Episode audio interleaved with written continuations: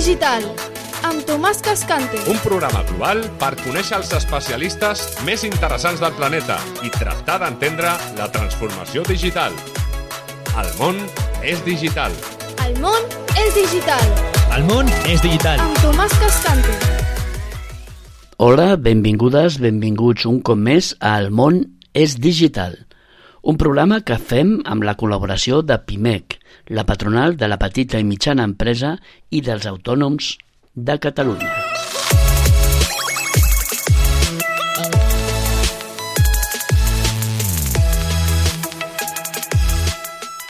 Avui parlarem d'un tema que és tan antic com, com l'internet mateix, però que continua sent un gran desconegut. I, a més de ser un desconegut, es presta a confusions. Estic parlant del programari lliure, que moltes vegades es, es confonen programari gratuït, que sí i que no. Però vaja, per parlar de tot això tenim avui amb nosaltres el Josep Gallard. Ell és una persona involucrada en la difusió del programari lliure, fa conferències, cursets, classes particulars i forma part de l'equip d'usuaris d'Ubuntu, tema del qual també parlarem. Eh, res més, Mm, si us sembla, comencem ja el programa d'avui dedicat al programari lliure.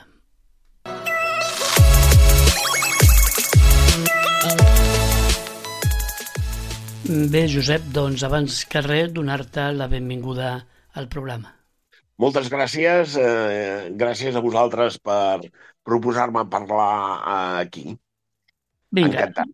com saps, aquest és un programa que va adreçat a empresaris de pimes que tenen, evidentment, estan en ple procés de transformació digital, però vaja, no s'ha- no s'ho saben tot, tot bé, no? Aquest programa pretén ajudar-los. I una, una de les coses que potser han sentit parlar moltes vegades, però no saben ben bé què és, és tot això del programari lliure. Eh, comencem potser definint què és programari lliure. Sí, el programari lliure eh, ve definit per el que se'n diuen les quatre llibertats del programari i, i és, molt, és molt senzill. La llibertat zero és la llibertat per executar el programa per a qualsevol propòsit, o sigui, la garantia de que el programari, si és programari lliure, es podrà fer servir pel que vulguem, perquè tot sovint eh, descobrim que un mateix programa es pot fer servir per coses que el que el va fer en origen no havia previst. Val?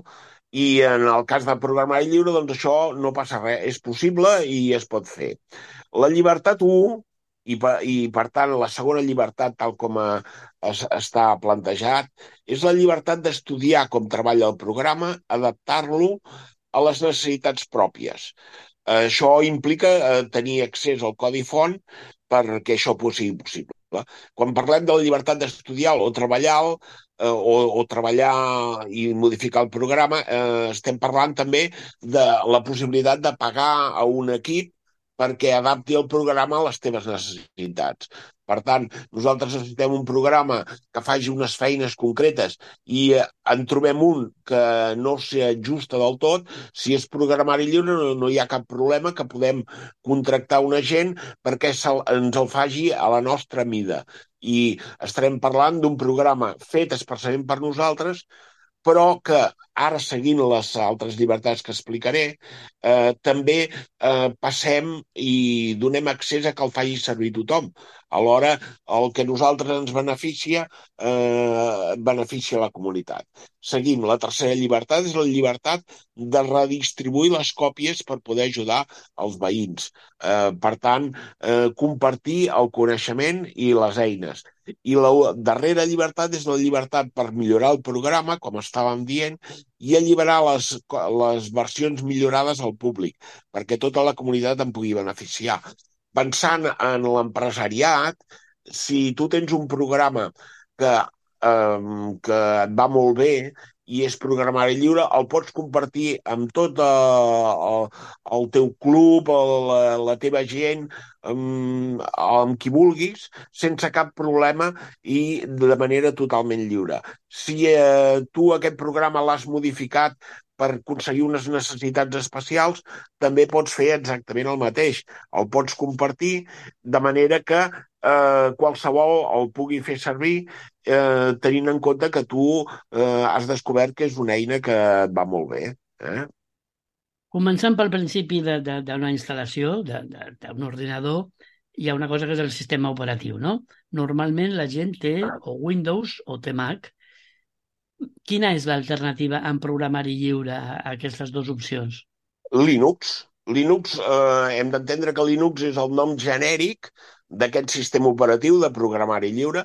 De fet, Linux neix en aquesta voluntat, amb la voluntat de que hi hagi una eina prou potent per com compartir-se amb tothom i que no dongui limitacions, sinó que dongui funcionalitats.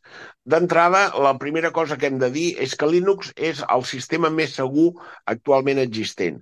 I això es pot demostrar en el moment que els 10 ordinadors més grans del món, més potents, tots treballen amb Linux per exemple, per posar un exemple, perquè eh, es té clar que és eh, el sistema on es aconsegueix més eficàcia i alhora més seguretat per funcionar.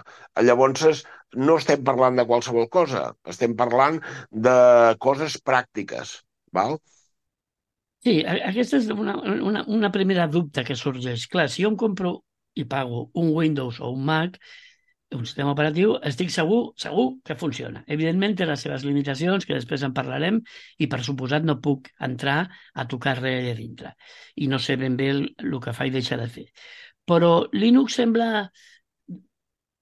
És segur? M'acabes de dir que sí, no? Però posa'ns, perquè això sempre funciona, exemples d'organismes o institucions que funcionen amb Linux. Sí, mira, et posaré dos exemples que fan molta incidència en la seguretat i alhora amb la capacitat de gestionar grans organitzacions.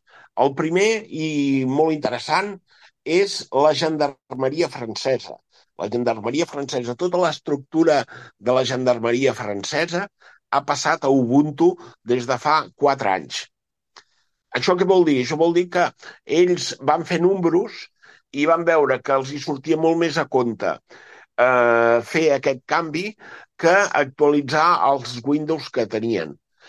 Eh, això eh, es va fer de la següent manera. Es van posar d'acord en Canonical, que és l'empresa eh, que, que està al darrere d'Ubuntu, i li van dir, volem fer això, fes-nos un projecte a mida i eh, es va fer una instal·lació de tota l'estructura de la policia amb la qual amb això estem pensant eh, per costos, però estem pensant per d'eficàcia i de seguretat, perquè no s'instal·la un sistema informàtic a la policia eh, sense cuidar la seguretat.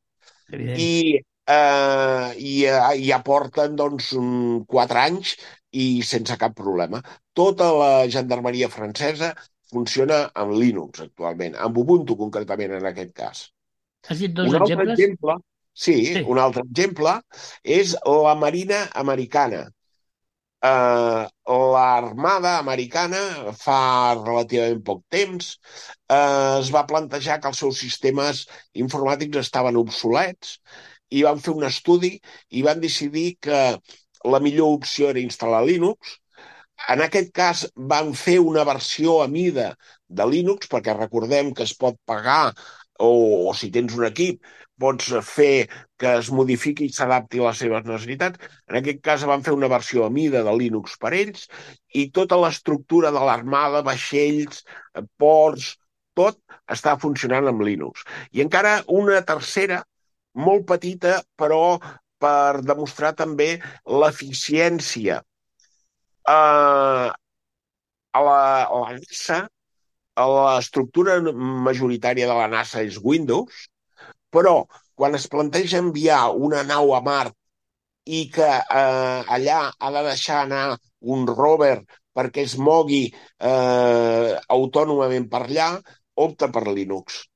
Perquè aconsegueix amb una, eh, amb una eficiència molt concreta, amb molt pocs recursos eh, i, i buscant la màxima seguretat, perquè no arribés allà i es trobés penjat, de, coincideix que és la millor opció i, i opta per això, en aquest cas concret, per exemple.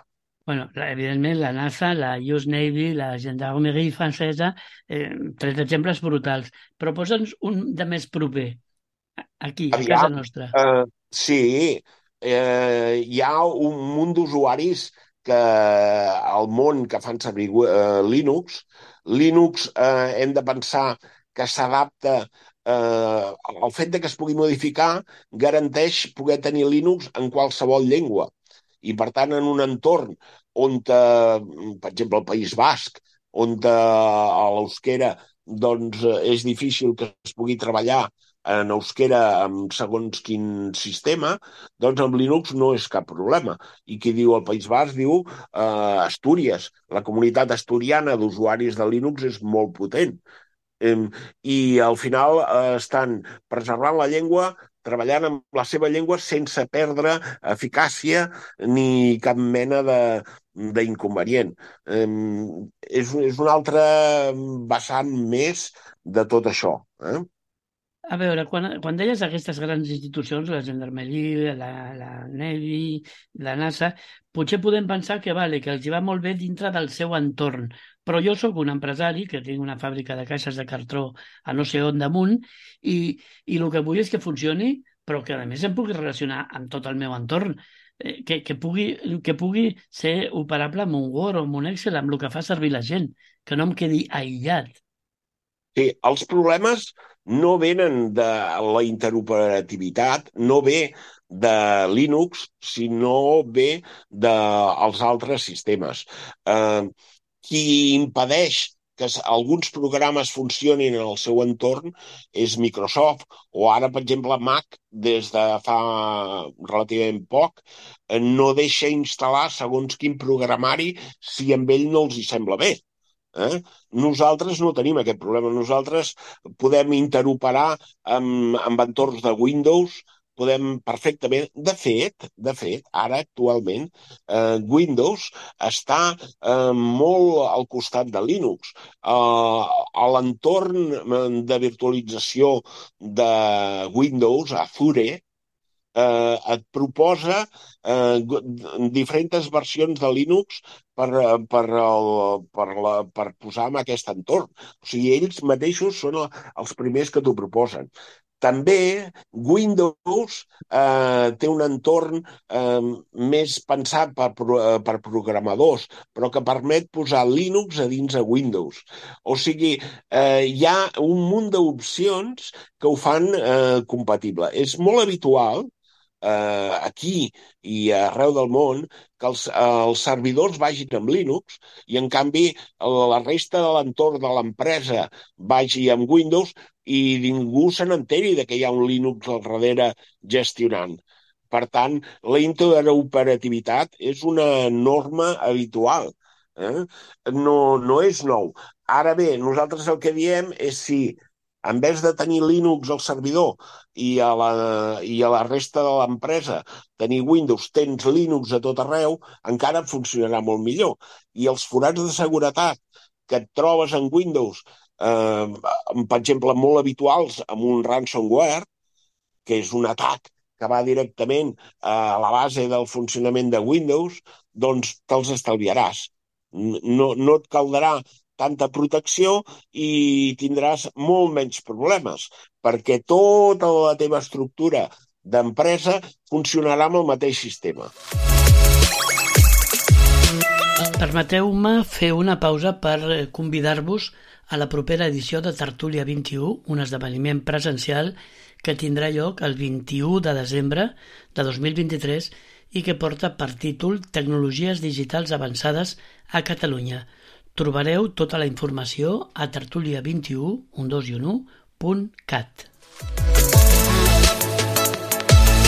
Un altre dubte que em sorgeix. Eh, vale, em sembla tot meravellós, però estàs, insisteixes, evidentment, en que qualsevol pot millorar-lo, eh? pot, tu, perquè el codi és obert, el milloro i, a més, el torno a la comunitat. Molt bé, i ara vull instal·lar-me Linux. I quina versió? Quina és la última que han tocat i han modificat? Hi ha algun organisme, algú que, que diu això és l'últim? Sí, sí, sí. Hi ha tot uns controls de versions i hi ha tot un, un sistema de numeració. Eh, no vull dir amb això que sigui fàcil fer una tria. Eh? Les tries sempre són difícils, perquè Linux és un ecosistema molt gran. Jo sempre, el, el, el, per posar un exemple proper, eh, hem, eh, el, jo plantejo que Linux és com si fos una, una gran geladeria i, i allà hi ha multitud de gustos. I, i llavors hem de trobar el que s'adequa més al nostre gust. Per exemple, Ubuntu està pensat per eh, donar valor a la seguretat, però també a la facilitat d'ús si el nostre entorn eh, pensem que pot ser complicat, doncs llavors eh, podria ser una opció. Hi ha entorns, un segon, hi ha entorns on eh, l'estructura de pàgines és quasi bé una còpia de Windows. Doncs això pot ser una, una via per facilitar l'ús de l'usuari final. Eh, eh, és avaluar l'entorn i fer la tria. Sí, has dit ja quatre o cinc vegades la paraula Ubuntu i ben bé no sabem què és. Què, què és Ubuntu? Sí, Ubuntu és una de les distribucions de Linux.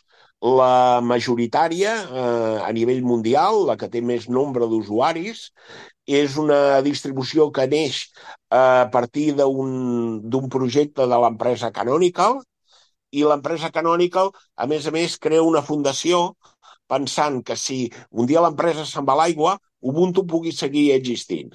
Val? Allò, per garantir-ho. Ubuntu sempre és gratuït i l'empresa guanya eh, a partir de fer versions especials, fer adaptacions, fer tot el que sigui coses sota demanda. Val?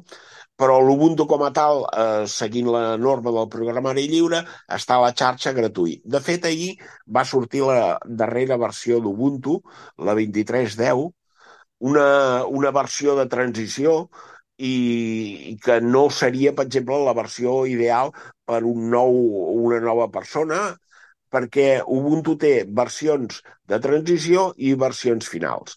Les versions finals tenen 5 anys de manteniment, i la versió de transició té sis mesos. Val? La versió de transició només és adequada per a algú que necessiti l'últim de l'últim i les altres versions són les recomanables perquè són molt més estables pel seu funcionament. Aquí eh, hi ha una comunitat d'usuaris d'Ubuntu en català. Que, que, sí. quina, quin, quin paper té, què fa, per, de, per què serveix, per dir-ho a l'Obèstia, la comunitat Ubuntu? Sí, l'Ubuntu, la comunitat d'usuaris d'Ubuntu en llengua catalana, el que fem és donar, eh, per una banda, difondre el sistema, per l'altra, donar eines a l'usuari final perquè el pugui fer servir i assessorar i ajudar eh, en l'ús del sistema. També tenim un apartat que es dedica a la traducció d'Ubuntu en català, de manera que Ubuntu sempre està en català des de l'última versió i eh, totalment posat al dia i, i, i anar controlant-te'l, vaja. A quins jocs podem posar Ubuntu? pues Ubuntu es pot posar pràcticament, ara tenim versions d'Ubuntu per quasi bé a tots els llocs. Des d'un gran servidor fins a, a un entorn iot de, de, mm, de lo que en diem a l'internet de les coses, un petit router, un programador o de l'aire condicionat, eh, hi ha tota mena, plaques Raspberry, eh, un mòbil, un ordinador de sobretaula o un portàtil, eh, ja dic, pràcticament a, a tot arreu. Eh? Hi ha versions pensades per cada entorn. Fins i tot, Ubuntu també és una eina per reutilitzar ordinadors. Quan aquell ordinador que va en Windows 7 i ja no li has pogut posar Windows 10 i ara ja hi ha Windows 11 i, i l'ordinador va bé a nivell mecànic però hi ha aquest inconvenient, doncs és un candidat perfecte per posar un Ubuntu i seguir-lo fent servir. Una altra utilitat per una gran xarxa, que no necessiten renovar els ordinadors tantes vegades com, com la dinàmica de canvi de Windows obliga. Sí, podries mm, posar-nos un exemple, si existeix, vaja, de la implantació d'Ubuntu aquí a l'administració? Sí, a l'administració catalana tenim dues dues, eh, do, dos exemples bons. Un és la Linkat. La Linkat és una versió d'Ubuntu feta a mida per l'entorn eh, educatiu el, de, el Departament d'Ensenyament ja fa uns anys ho va fer i ho va mantenint i va actualitzar les versions eh, per, per tot l'entorn d'ensenyament. Eh, els ordinadors que ara estan donant doncs, porten una versió de Linkat a banda de que portin altres versions, evidentment. I una altra opció és tota la xarxa Puntic. La xarxa Puntic de Catalunya eh, són un munt d'ordinadors repartits eh, arreu també porten una versió d'Ubuntu, també, en aquest cas, adaptada a les seves necessitats. Eh? Són dos exemples d'adaptació i, i, i configuració a mida d'un Ubuntu. I a les empreses? A les empreses hi ha de tot. Hi ha... Um, el Linux és, és, s'implanta més fàcilment a grans empreses que a les empreses mitjanes. Hi ha empreses mitjanes que tenen Linux, però no són la majoria. Eh? Eh, sí que hi és als servidors, però a l'entorn d'escritori eh, s'opta per Windows. Eh, bé, és, és un tema pendent. Eh? eh parlem de l'entorn d'escritori i oblidem una mica Linux. Jo eh, tinc a la meva empresa un ordinadors que funcionen en Windows, però tornem al, al tema de programari lliure. El paquet, per dir una marca, Office, no? Eh, Existeix en versió de programari lliure? Es diu LibreOffice. LibreOffice originalment era un paquet d'ofimàtica com el com l'Office de Windows, però que eh, eh, però estava en mans d'una empresa i aquesta empresa el va llicenciar eh, com a programari lliure i a partir de llavors es va anar desenvolupant i actualment es diu LibreOffice té, amb les estructures són semblants a les de Windows, de manera que hi ha una fulla de càlcul, una base de dades, un programari d'escriptura, de, un de presentacions... O sigui, és la mateixa estructura, però amb un recorregut diferent i és totalment compatible amb Windows i amb Mac, de manera que es pot instal·lar en qualsevol dels dos. Bé, però el meu client, poso un exemple, eh? em demana, el que em demana al final és un Excel o un Word de Microsoft. Jo des, de, des del LibreOffice puc convertir-ho que sigui 100% compatible? Sí, tu, tu pots, tu pots, eh, el que pots fer és guardar-ho en el format d'Excel o de Word.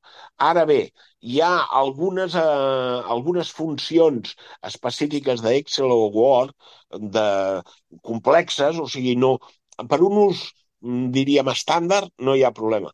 Però per un ús intensiu hi ha algunes funcions que no es poden compartir perquè, perquè no ho deixen. Eh, llavors, com que és un programari tancant, no sabem com funciona, no tenim manera de replicar-lo. I, I això passa en algunes funcions molt específiques. En, ja dic, en un ús estàndard, que la majoria de gent hi ha moltes coses que no fa servir, no hi ha cap problema. Eh? Però en algunes coses concretes pot ser que no, que no es pugui replicar. Eh? Bé, Josep, ens ha semblat eh, realment interessat fins al punt de que volem fer-ho. Llavors, molt bé, hem sentit aquest programa, hem sentit el Josep Gallar explicant-nos, però què, què fem? Vale, m'has convençut. Vull, vull instal·lar-me Linux. Que, quin és el següent pas? Què faig?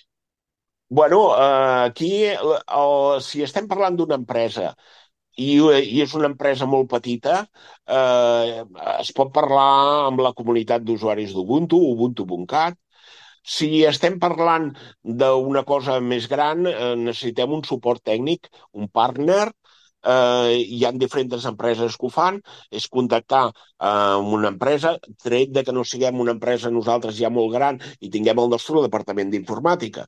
Eh?